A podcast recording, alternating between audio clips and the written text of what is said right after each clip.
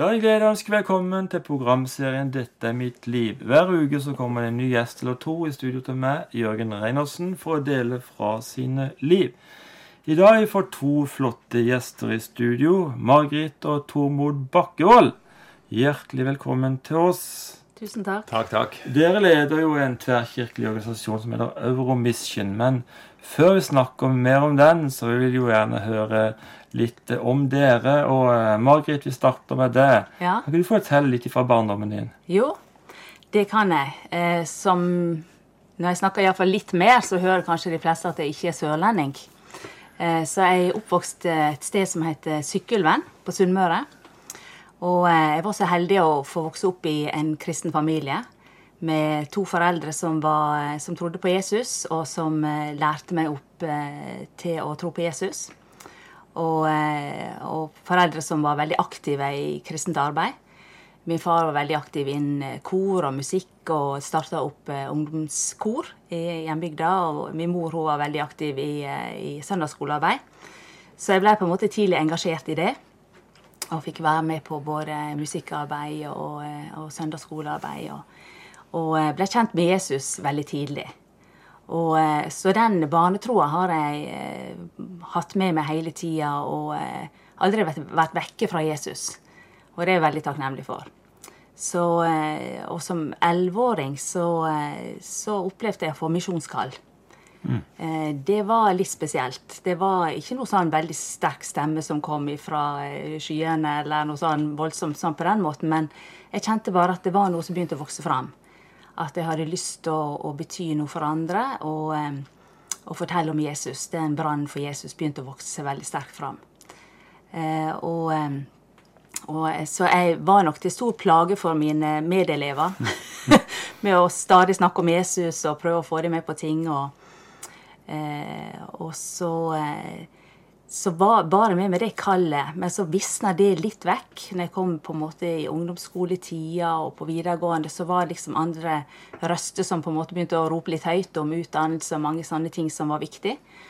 Og, og det tror jeg er kjempeviktig, men, eh, men for meg så dro det meg litt vekk en periode. Men så, eh, så eh, når jeg var eh, 19-20 år, så så var det en god venn av meg som hadde vært på DTS i Ungdom i oppdrag. Og, eh, og han kom eh, hjem til Sykkylven og, og var skikkelig gira for Jesus. Eh, og eh, det var Jeg bare kjente det når jeg traff han, at oi, dette her vil jeg ha. Det var noe som var attraktivt, og jeg kjente at det, det var en lengsel som jeg hadde hatt sjøl etter å virkelig eh, være brennende for Jesus, som jeg for så vidt var, men, men han hadde enda mer. Og, så da bestemte jeg meg for at jeg vil også gå på en sånn DTS, og det er en sånn disippeltreningsskole. Det er ungdom i oppdrag. Eh, og eh, så søkte jeg på en sånn en etter jeg var ferdig med videregående. Og, eh, og så kom jeg til Ungdom i oppdrag, og eh, der tok Gud tak i meg igjen. Eh, og eh, minna meg på, eh, på på en måte på kallet da, som jeg hadde fått som elleveåring. Og gjorde det veldig fint og flott og attraktivt for meg. Så traff jeg jo han som sitter ved siden av meg her, Tormod. Han kom på sånn eh, disippeltreningsskole året etterpå. Og eh, så ble vi kjent og eh, var på team sammen en periode. Og eh, eh, vi ble kjærester, og det skjedde vel i motsatt rek- rekkefølge. da. Først kjærester, og så på team. så, eh, så det var eh, Så sånn fikk Gud tak i meg igjen. eh, At det var den veien han ville jeg skulle gå. Og siden det så, så har det vært misjon. Og det har vært mye reising, og eh, vi har eh, fått vært med på veldig mye spennende. Ja, det skal vi høre mye mer om etter hvert. Eh, Elleve år gammel, altså. Misjonskall. Det var Ja, tidlig. det var veldig tidlig. Det var det. Men eh, ja. Var det et bevisst valg før den tida som du kjente at nå vil jeg følge Jesus? Ja, det var som jeg sa. altså Jeg vokste jo opp i en kristen familie, og, og jeg, det var noe som jeg, altså jeg Jeg må nok innrømme at jeg tok nok imot Jesus mange ganger i løpet av barndommen. For det var liksom Jeg hadde nok en litt sånn Jeg hadde en veldig eh, En periode så var jeg veldig redd for å ikke komme til himmelen. Og, eh, og, så da var jeg spesielt på kveldene da, så kunne jeg ligge og 'Kjære Jesus, gi mitt liv til deg'. Så det gjorde jeg nok mange ganger. Og eh, jeg var nok veldig, hadde nok en veldig lengsel etter bare å leve rett for Gud. Og snakka mye med Jesus. Og, så det var en sånn personlig tro helt fra barndommen av. da. Men jeg har tatt imot Jesus mange ganger. det holder. Jeg husker det var en, en, pastor som sa det en gang. Det er ikke greit mange ganger å være frelst mange ganger. Men så, så, det var noe som vokste seg fram sånn mer og mer enn troa. Også, og, og, det med misjonskall også, det, det, var, det, var, også noe som på en måte vokste seg fram. Sånn mer og mer. Så, så bare visste det. Det er akkurat bare noen ting så plutselig så bare vet du at det er noe du skal. Så sånn var det litt for meg, da. Ja, Sterkt. Mm. Tormod, du må fortelle litt, du også. Ja. Det er jo eh, Når vi gifta oss, så hadde de holdt alle talene for, eh, for Margrit, og så skulle de tale for meg, og så sier min gode far og så sa han, ja, jeg skjønner at du, Margrit, har vært ei snill jente opp igjennom, og det har ikke Tormod vært. sa han da. Eh, nå var ikke jeg den verste i verden heller, men, men som nummer fire i en søskenflokk på fem, og der de tre som er eldre enn meg, var veldig snille og flinke og greie så hadde jeg en litt annen type eh, innside som gjorde at jeg nok var eh, Jeg var der stort sett der det smalt, og hvis det var på noe bråk en plass, var det stort sett meg som hadde skylda. Og, og, fikk ofte skylda, og det stemte. Så det var nok litt sånn, men ikke noe, eh, ikke noe ondskap. eller sånn, Jeg bare likte mye fart og spenning og spille fotball og kaste baller, og av og til gikk det gjennom rutene. og av og til ble jeg sint, så da eh, tente jeg på alle. Jeg har veldig kort lunt og veldig mye krutt. Så dermed så ble det noen situasjoner og litt sånn eh, fra eh, rektors kontor til eh, litt som sagt aldri noe Når jeg tenker tilbake på det, så er det ganske uskyldig i forhold til åssen det kanskje er i dag. Men, men det, det, var nå litt av min oppvekst. Men eh, en, en, fantastisk god familie har jeg vokst opp i. Eh, en veldig sånn en levende kristent hjem. Eh, og vi hadde mye moro. Vi var jo eh, ofte på hytte, da. Liksom, vi hadde hytte med sjøen og hytte på fjellet, så liksom de fleste ferier så var vi av gårde og hadde mye flott tid sammen. Det er sånne gode minner som gjorde at en blir trygg. Mye tid eh, Jeg har liksom aldri opplevd at foreldrene mine ikke hadde tid til meg. Det var liksom det er sånn du bare hørte om når du ble større. på en måte. Det var, det var en naturlig del av hverdagen, egentlig. Så eh, når jeg hadde jo mine turer der, ikke sant. Og så uh, husker en kamerat av meg Vi var vel jeg tror vi var 13 år, tenker jeg. Så sneik vi oss inn på et diskotek. Og, og uh, Han gikk foran meg, og jeg kom etterpå. og Han snudde seg på en måte, det var over i gang, og gjennom ei dør, og så var vi inne. Så snudde han seg. 'Det er fri, det er fritt leie. Kom igjen, Tormod. Løp', sa han. Uh, ok, så, Men idet jeg hadde kommet inn på en mellomgang, inn ei dør, skulle jeg bare over en liten gang, og så neste dør, så, så det er vel en av de eneste gangene jeg har opplevd noe lignende. av det, Men da, da mener jeg sjøl at jeg hørte en hørbar stemme. Mm. Om jeg gjorde det eller ikke, men det var min opplevelse som 13-åring. Der det var en stemme bak meg som sa 'Tormod, jeg har noe bedre for deg'. Mm. Jeg husker jeg snudde meg og så ingen, men jeg gikk faktisk hjem. Jeg gikk ikke inn på det diskoteket. Og tenkte Kan det ha vært Gud? liksom? Kan det ha vært Jesus? Eh, vel, så gikk det et par år til.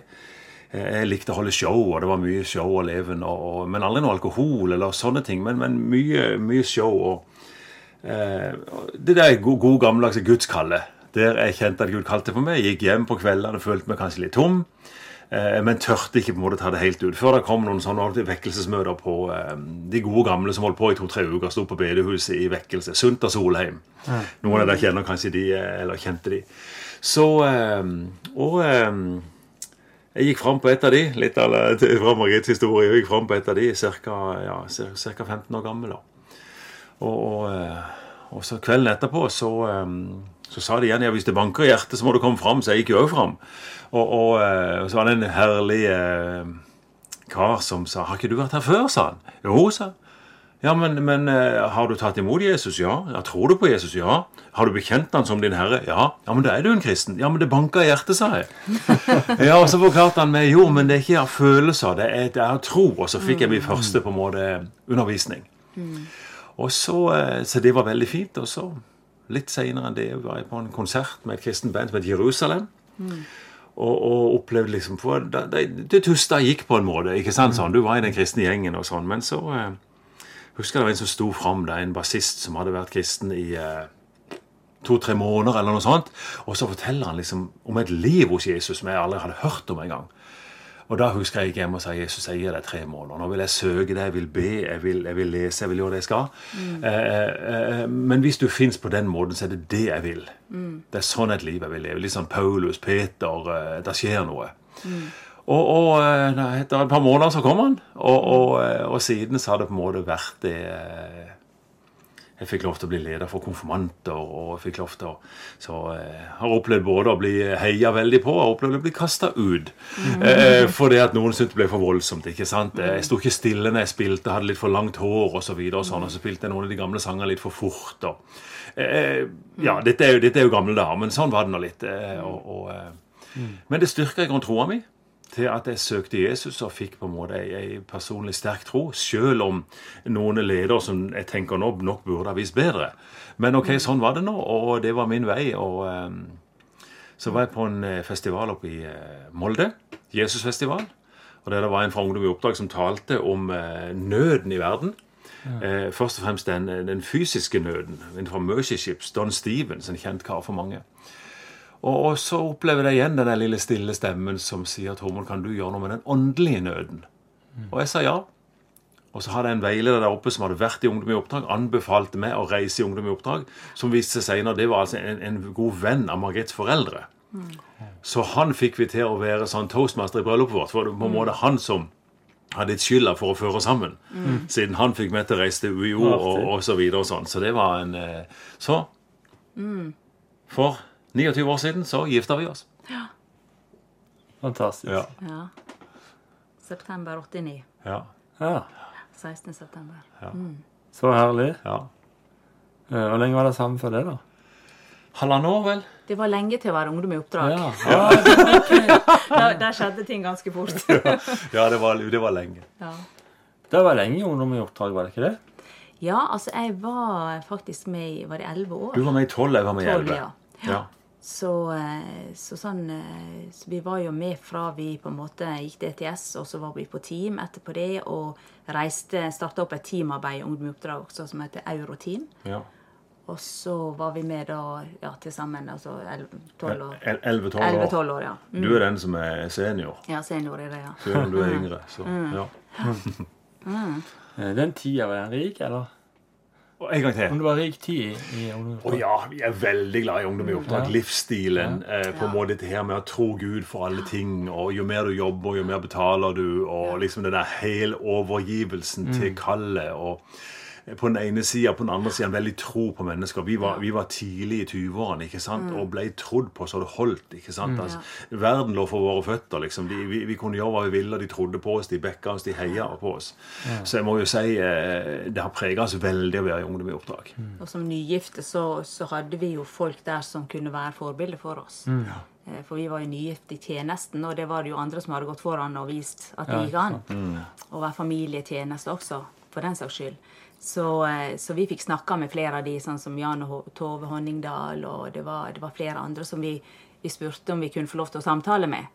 Og, eh, og høre åssen de hadde gjort ting. Og det var, det var veldig rikt. Og, og så var det et annet litt eldre ektepar, da. Eller de var jo ikke eldre, det var jo sikkert sånn som vi er nå. Ja, Men de var eldre da. Men de var eldre for oss da.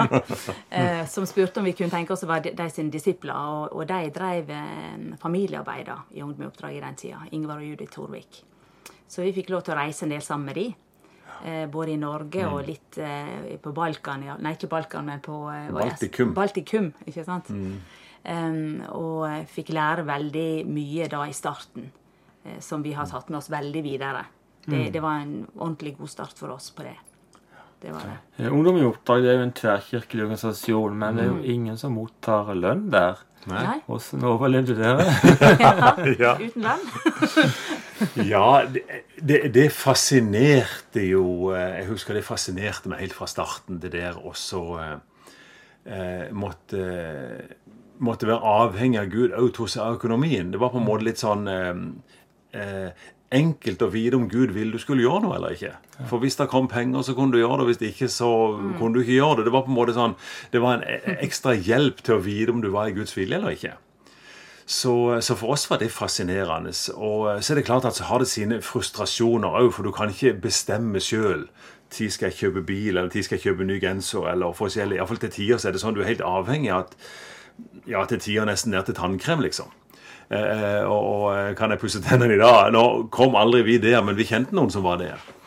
Så, eh, men men, men i, i, jeg vil si i, først og fremst fascinerende. Og eh, for oss har det fungert godt. Gud har vært Gud er alltid god uansett hva vi erfarer, men vi har fått oppleve at han har forsørga oss veldig godt. Folk har tro på oss og sendt penger og vært lydige når Gud har minnet dem. Så, eh, så vi har jo opplevd eh, mange mange store under helt ifra starten av, når vi måtte tro Gud for en femmer for å komme gjennom bommen i Drammen. Det var min første gang jeg trengte penger. Eh, til eh, du var tom på tanken og visste ikke hva du skulle gjøre, så blir du, ble du eh, på bensinstasjonen så så stopper du og begynner å følge, og så sier du 'Kan jeg betale for det?' Og så videre og sånn. Så du, du, det, det var liksom starten eh, til, til nå til store prosjekter som vi kan ha ute der. eh, eh, ikke sant? For ikke lenge siden så, så hadde vi eh, ønska å starte noen arbeidsplasser nede i Serbia, i et område der det er lite arbeidsplasser og veldig få kristne. Og så, og så plutselig er det noen som har anledning til å være med oss med 50 000 til et sånt prosjekt. Så vi kan starte tre arbeidsplasser der, som i, som i tillegg fører til trøkking av kristen, mye kristen litteratur. Og i tillegg kan gjøre at han ene som leder denne bedriften, kan, kan drive evangelisering innover i, eh, i unådde områder. Så du kan si, så, så det, er jo, det er jo en spennende måte å leve på, da. Der, eh, der en eh, opplever at Gud griper inn og hjelper. Så, så Og vi har jo aldri mangla mat. Altså, vi har alltid kunnet spist. Men det er klart, som du sier, ikke sant, så har det jo vært tider der vi måtte ha venta, og ikke det kom akkurat det vi hadde ønska oss der og da. Men det som var litt eh, herlig da, for noen år siden, så skulle vi ha et eller annet seminar om noe, om var det barneoppdragelse. Ja, eller hva det var for noe. Grimstad eller noe ja, sånt. Og da eh, tok vi en runde med våre tre barn, da, som nå er, er, er voksne, da, og så spurte vi ja, i forhold til det med økonomi og forskjellige ting, er det noe dere har lyst til å si eh, som vi skal formidle videre? Har dere opplevd dere mangler noe noen gang, liksom? Og, og så mm, kunne de virkelig si at de, de, de hadde aldri opplevd at vi var fattige. Eh, og vi hadde, de hadde opplevd at vi alltid hadde det, det vi trengte. Og det var veldig godt for oss å høre. da. For vi, vi, vi snakka aldri om at vi hadde dårlig råd, og nei, det har ikke vi råd til. Vi prøvde å unngå det, den terminologien der, liksom. Sånn at vi, vi heller sa nei, men da må vi be til Gud. det var liksom vår løsning på ting. da, at det, eh, Hvis det var noe de ønska seg som vi ikke hadde penger til der og da, ja, men la oss be. Så det fikk de med morsmelka. Ja, det fikk de, ja. det fikk de overføring på, ja. Ja, ja, ja. Og de opplevde jo noe herlig bønnesvar sjøl òg, så det var jo veldig gøy å se det.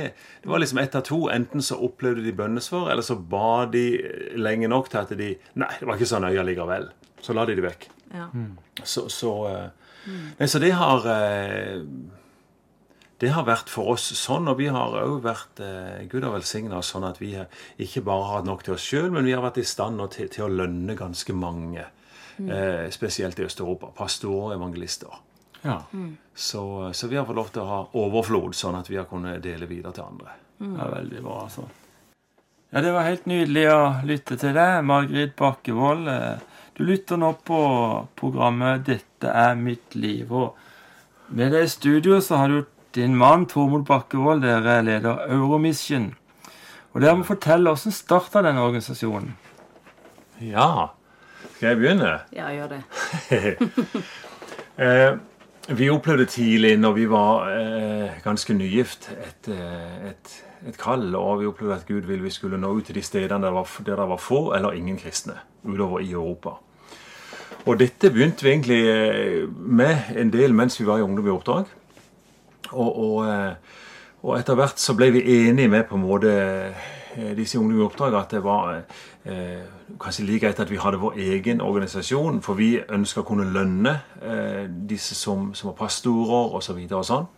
så da kom vi til en grei enighet om det, egentlig. Så, men hele greia ligger tilbake igjen i dette her ønsket om å nå ut til disse stedene der det er få eller ingen kristne. Og det er det vi har holdt på med nå i, eh, i alle disse årene. Fortsetter å gjøre det utover i, eh, i forskjellige land der vi finner sånne steder. da. Ja. Og videre framdrift, holdt jeg på å si. Der, der starta med to tomme hender, men Mhm. Ja. Ja. altså, Det, det, det, det må jo vært eh, tøft å skulle gå på de stedene som, som ikke det var kristne fra før. Jeg mener Hvordan gjør man det? Ja, ikke sant? En begynner jo som regel eh, med å, eh, å be. Ja. Og så eh, be om Guds ledelse, åpne dører. At vi må, Gud må lede oss til de rette folkene. Og så skjer jo det på veldig mange forskjellige slags måter. Det, de kontaktene kan vi få gjennom noen andre, at de har hørt om noen som driver et arbeid der, og så, og så kontakter vi de. Og sånn var det iallfall i starten. Nå når det har gått noen år, og, og vi har fått etablert litt arbeid rundt forbi, så blir det ofte litt gjennom de som er på stedet, at de brenner for en by i nærheten, og så hjelper vi de til å starte, noe videre der. Sånn at eh, eh, ting utvikler seg jo litt sånn. Ja. Så det er jo gode, gamle, velbrukte, hvis du kan bruke ord som metoder. Helt tilbake fra, ja, fra Bibelens tid, der en, en reiser til en plass, og så finner en måte å samle folk på. Eh, om det er et kulturhus, eller om det er en park, eller om det er i et hjem, eller eh, Vi finner en måte å prøve å samle mennesker, og så blir det å spille med musikk. Eh, ofte har vi med oss ungdomsteam, og som gjerne kan, eh, kan spille litt drama, skuespill, altså, og eh, forkynnelse, vitnesbyrd. Det, er, det er disse tingene som eh, egentlig er helt vanlige, det er bare vi gjør det på et annet sted, der, der eh, vi må få tak i de aller første. Og, og eh, Og noen steder så har vi sett at det å drive en eh, barnefestival, f.eks., Ja. har slått eh, på en måte veldig til. Da har vi fått samla masse folk, og eh, spesielt på noen steder som kanskje ikke andre ting har fungert, så har det å nå ut til barna Så får du tak i foreldrene, og så får liksom hele familien. Det, det har vært en veldig eh, flott ting, har vi sett mange plasser. Når dere skal til et nytt sted, da, har dere med dere noen eh, folk fra Norge, et team fra Norge? Ja, da eh, ikke, altså ikke alltid, men, men ofte når vi skal ha et litt større opplegg, så, så har vi med oss et team. Så da kan vi reise noen ganger kanskje 20 mennesker, og kanskje noen ganger litt færre. Det kommer litt an på hva slags opplegg vi skal ha. Har dere med dere musikere, da? Ja, så, eh, så hvis vi skal ha litt store møter der vi, skal, der vi har reklamert for, eksempel for konsert, så har vi med oss eh, band. Eh, Med musikere da, som, eh, og sangere og litt dans, litt drama. Sånn at vi har et litt sånn eh, litt spennende opplegg som vi kan invitere folk på. Det gjelder å prøve å lage noe som kan fenge litt, altså som folk har lyst til å komme på. Så uh, vi, vi, uh, vi kan, altså Det er viktig for oss ikke å ha, ha noe liksom, noe, eh, et grunt budskap. Det skal være et ordentlig evangelisk møte. Men, men det er klart forberedelsene er viktige her. både med det kan jo gå eh, noen ganger flere år fra vi får hjerte for et sted til vi ordentlig kommer i gang med møter. For vi vil ikke starte opp før vi har noen lokale som kan følge det opp. Så det, det, må vi, eh, det må vi alltid kontakte, be for og be om og snakke med. For du vet, eh, utover i Europa så er det nesten verre enn her. Du vet, Til og med i Norge så er det sånn at vi vi vil helst holde på i vår egen menighet, eller veldig mange vil det. Det er liksom, eh, Vi må alltid bli litt sterkere og vokse litt mer og få litt flere ressurser før vi kan gjøre noen annen plass. Og, og det er klart at de menighetene som finnes mange steder utover i Europa, de er veldig svake. Så da får de til å avse en eller noen som kan bruke tid på et nytt sted, det kan faktisk være en utfordring. Så, men, men det er bare det er tålmodig eh, arbeid å eh, holde på. og så... det, det, men, men det har lyktes mange steder. Er, Gud har virkelig virka sånn at det der, der er blitt mange menigheter med årene som har blitt starta opp. For vi, vi ønsker å starte menigheter som er knytta til, til lokale kirkesamfunn i de forskjellige landene vi arbeider. Vi, vi starter ikke noe eget på en måte arbeid. Vi er en, bare et verktøy for å hjelpe i gang. Hvor mange land er dere engasjert i nå? Nå har vi Vi holder på å trappe ned i Danmark. I Danmark er det fortsatt eh, noen byer igjen som ikke har frimenigheter. Men eh, noen av de som ikke har frimenigheter, har ganske levende, eh, mer sånn type veldig etablerte menigheter. Men det er et par steder som du absolutt burde hatt. Så vi er litt engasjert i Danmark. Og så holder vi på i Tyskland. I, i Brandenburg spesielt, altså det fylket som ligger rundt Berlin, der, eh, der var ateistene flinke, hvis jeg kan bruke et sånt uttrykk. De fikk utrydda nesten all kristendom i, i, blant millioner av mennesker i, eh, det bondesland da, som, he, som heter eh, Brandenburg. Så der er vi engasjert på to steder. I Polen har vi vært engasjert mye. Der er det, der er det mange steder med få kristne, og nesten ikke kristne i det hele tatt. Det fins jo katolikker. og vi, Hvis vi finner et sted der det er karismatiske eh, katolikker og en sånn samling, så, så kjører vi forbi videre. Altså Da opplever vi at de kan klare det. Den, den katolske tro i Polen er mm, ganske mørk. Det er lite evangelium, dessverre. Det, det er litt forskjell fra land til land. Eh, Men, men, eh, men så der er det mye. Så der har vi det spennende nå. Der starter vi en bibelskole. Akkurat i disse dager så har vi hatt Vi var just der nede, har, eh, samlet, har samla ledere, lokale ledere, og forma et lederteam, en ledergruppe, og skal ha start nå i, eh, i september. Allerede begynt å få fulgt godt opp på, på det første kullet. Så, eh, så har vi en del arbeid i, på tidligere Jugoslavia.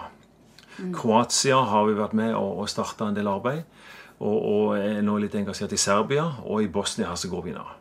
Der, eh, Bosnia-Hercegovina det er et egen, en egen historie med ja, Vi kjenner vel historien der borgerkrig og mange ting. Så, Sånn at det, det er et ganske tøft og tørt område. Men, men vi, eh, vi har vært engasjert i tre års tid. Vært med på litt sånn smågrupper som starter opp, tre-fire plasser. Og eh, bruker nå ganske mye folk fra Serbia og Kroatia til å følge opp der inne. Sånn at vi slipper å reise hele tida. Og dette med språk og det er en del stolthet der nede. De eh, hører best på sine egne. Så, eh, så det er vel der vi er engasjert nå. Mm. disse landene der. Ja. Eh, Hvordan finansierer dere arbeidet? Ja, det eh, vi Det var et godt spørsmål. Har du flere? Nei, altså vi, vi er jo veldig velsigna nå med å ha, ha flere på en måte, støttepartnere til, til arbeidet vårt. Og det, det er folk som, som brenner for misjon like mye som vi gjør, men som ikke har anledning til å reise sjøl. Og som på en måte vi ser på som en veldig viktig del av vårt team. Eh, og som ønsker å stå skulder ved skulder ved oss. Eh, og, eh, og noen gir mye, andre gir mindre beløp.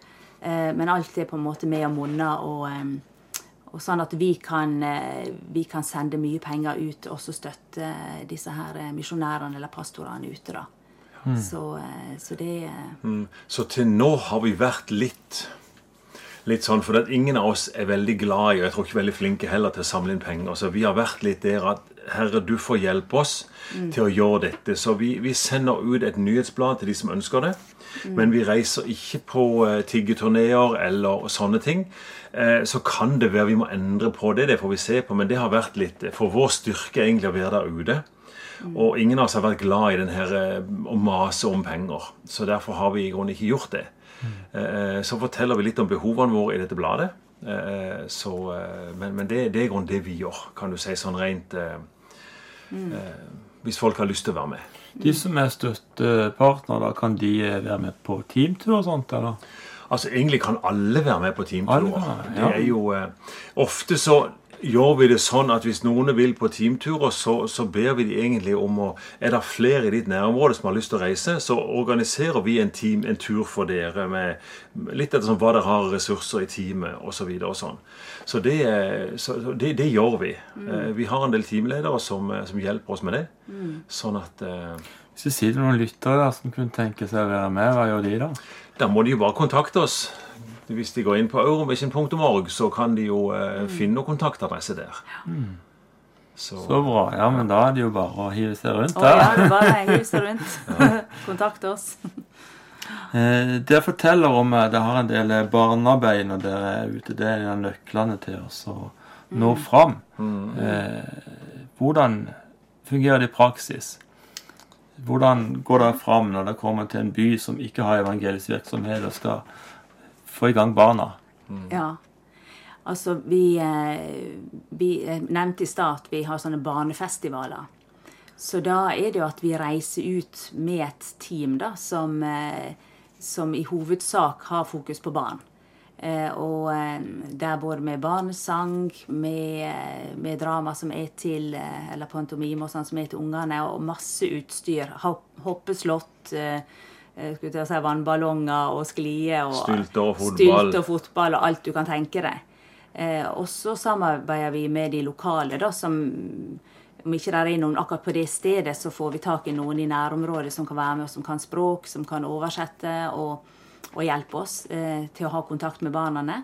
Og så inviterer vi med flyers, med, eh, altså hvis vi kan komme på radio eller noe sånt ikke sant, rundt i byen, og får ungene til å komme. da. Kler ofte ut noen som klovner, Ja. som deler ut invitasjoner ut Ja. i byen. og litt sånn. Er det rundt på skolene også, da? Det hender, Ja. eh, men, men generelt dette barneopplegget er ofte i, enten i helger eller i ferier. Så da vi inviterer, så pleier vi og det pleier å holde på fra ca. halv elleve til ca. klokka tre cirka på dagen. Så da begynner vi med litt registrering og lek eh, til folk kommer i gang. Og så har vi et lite møte. Sånn et eh, barnemøte på 20 minutter eller sånn kanskje, med et eller annet tema. Og eh, ja, de ble introdusert for forskjellige ting, da, med, med litt sang og musikk og, og litt, en liten tale og sånn. Og så er det da ut og leke og, i alle disse aktivitetene. Og så etter en time og halvannen så er det litt mat, og, og så da på et nytt lite møte. Eh, og så eh, litt av det samme bare går videre på samme emne, og så ut og leke litt igjen, og så avslutter vi med et møte igjen. Og hvis foreldrene kommer, det er ofte de kommer og vil være der, så har vi noen som, som sitter ned sammen med de og prøver å få kontakt. For det er jo en del av opplegget. eh, vi ønsker virkelig å gi evangeliet til barn. Jeg har hørt at eh, noen, noen får misjonskall når de er elleve år. Så da, da er ikke barna liksom eh, noen som bare skal stues vekk en plass. Vi har veldig tro på at barna får tak i evangeliet tidlig. Ja. Men det er klart at det å, å, å ha kontakt med foreldre blir viktig. Så det, det, da, det, det har vi òg inkludert i dette. Og så kjører som regel noen, noen dager på rad. da. Fra tre til fem dager, gjerne. Og da kan vi jo, altså det jo, da bor jo ungene hjemme, og så kommer de på opplegget da i, i de timene. Og så noen ganger så har vi, eh, har vi det sånn at vi inviterer foreldre og eventuelt resten av familien da til å komme på et litt eh, større barnemøte der ungene får vist litt. Der de kanskje har lært en sang eller en dans eller noe som de kan vise for foreldrene sine. Og så får de en spesiell invitasjon da til å komme på dette møtet. Gjerne på det siste, siste Ja. samlinga. Ja. Og, eh, og da er det sånn at hvis det da er naturlig at vi kan be en frelsesbønn sammen med de der, så, så, så gjør vi det. Så, Jeg syns det var veldig fint dette arbeidet med barn. Altså det, Ja. Ja, det er det er så mange som tenker sånn, tror jeg. Det var veldig bra. Eh, vi har snakka om Euromission, organisasjonen som dere leder. Eh, vi må nesten snakke litt om disippelgjøring. Hvor viktig er det? Vil du si noe? Du kan begynne, du. Jeg kan begynne. Oi, oi, oi. Det er viktig for oss. For eh, som vi var litt inne på, eh, så var vi i Ungdom i oppdrag og begynte noe som vi kaller for en disippeltreningsskole. Og opplevde det i praksis med at når vi var ferdig der og ja, nygifte, så, så var det mennesker som på en måte tok oss litt under vingene. Eh, var der når vi kom hjem fra turer, spurte åssen går det, satte seg ned med oss, inviterte oss inn og talte inn i livene våre. Og på den måten forma oss og hjalp oss på en måte videre. Så, det, eh, så det har vært viktig for oss opp igjennom òg å, å ta eh, eh, Prøve å hjelpe andre til å få tak i det samme som vi har fått tak i. Først og fremst få en enkel tro på Jesus. Ikke veldig avansert, ikke veldig vanskelig, men liksom lære disse enkle ja, viktige tingene om eh, sånn som jeg ikke sant, det jeg fortalte når jeg ble en kristen. ikke sant, Det er helt enkelt at eh, vi lærer oss å stole på Guds ord.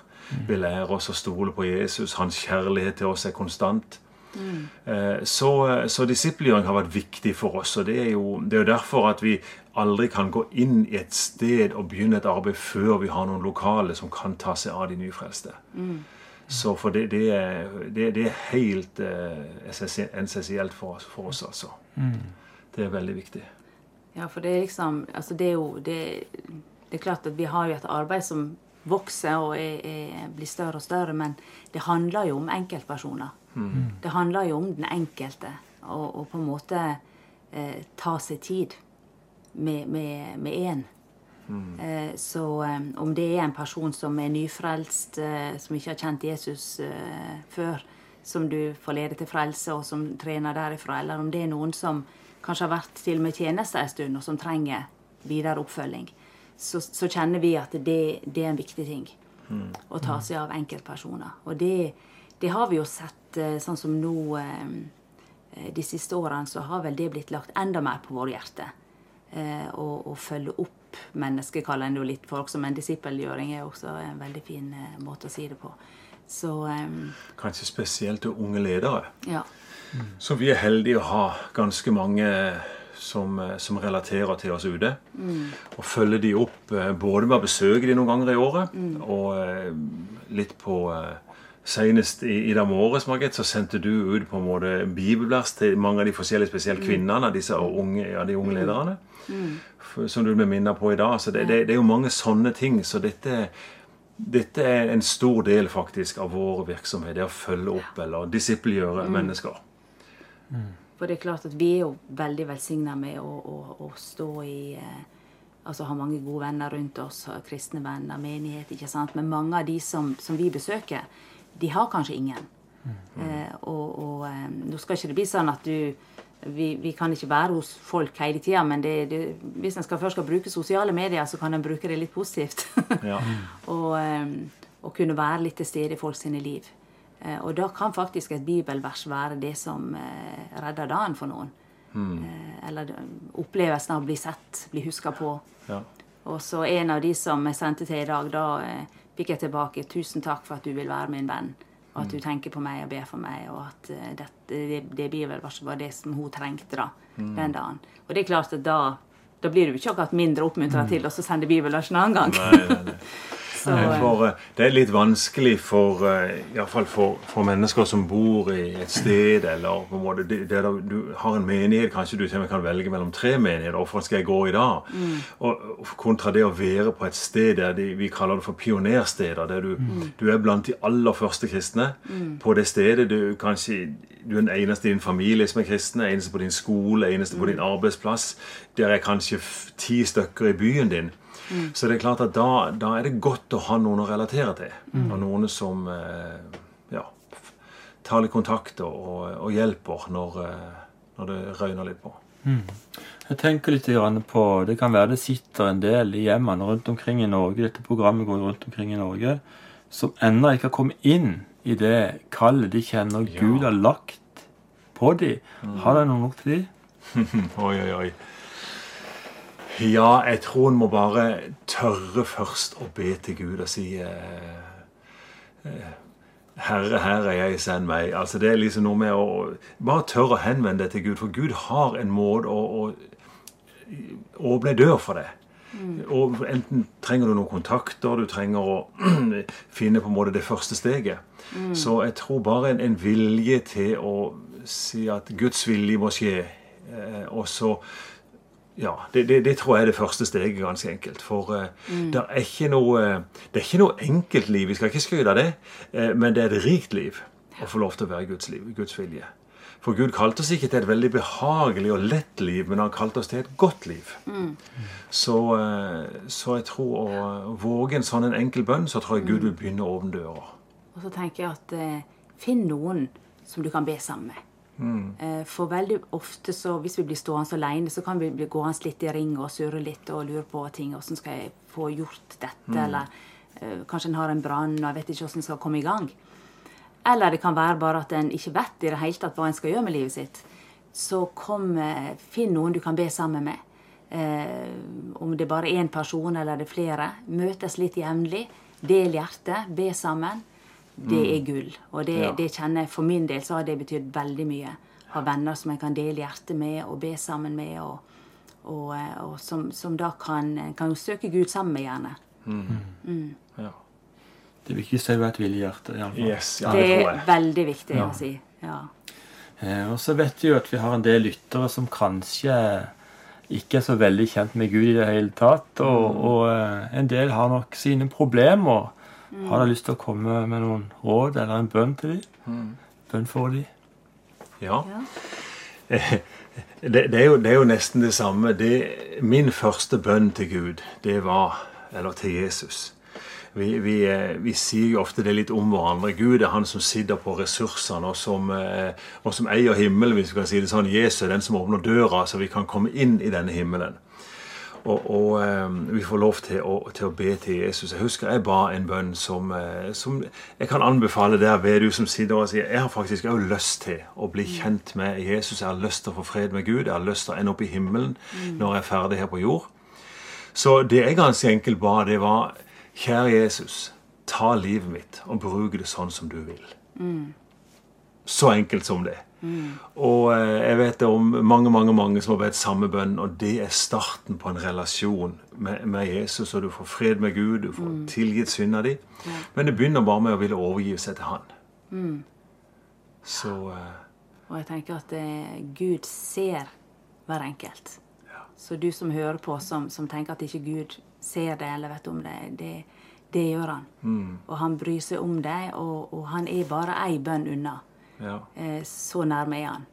Så han eh, Bare henvend deg til han, som Tormod sier her, og så, så, så er han der. For han ser deg, han ser din situasjon, og han, han har løsninger. ja.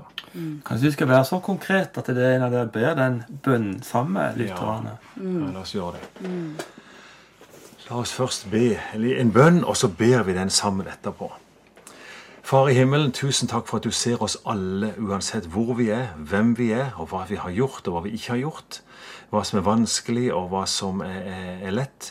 Takk for at du ser alle. Jeg har lyst til å be om eh, at du skal komme og være nær hos hver enkelt en som, som ber til deg, for du elsker alle. Og så har vi lyst til å be denne bønnen til den, og, eh, sånn, at, sånn at vi kan få begynne dette livet sammen med deg. Og så ber vi bare sånn. Kjære Jesus, ta mitt liv og bruk det sånn som du vil. Det ber vi om. Amen. Amen. Ja, hjertelig tusen takk, Margit og Tormod Bakkevold, for at dere kom i studio i dag. Tida er dessverre løpt ifra oss. Eh, Vi er bare så takknemlige for at dere kom, og må Gud velsigne dere, familien deres og deres tjeneste i tida framover. Tusen I dag er det Jarle Fjelstad som har vært tekniker. Mitt navn er Jørgen Reinersen. Vi er tilbake neste uke med en ny spennende gjest i studio. Vi er på samme kanal og på samme tid også neste uke. Hvis du har lyst til å ha litt informasjon om eh, dette programmet 'Dette er mitt liv' fremover, så kan du legge meg til som venn. Mitt navn er altså Jørgen Reinertsen. På Facebook så eh, kan vi være venner der, og så kan vi samtale sammen der, og så kan vi be for deg der hvis du kjenner at det er riktig. Så Jørgen Reinersen på Facebook. Vi ønsker deg det beste av alt. Guds velsignelse. Takk for i dag.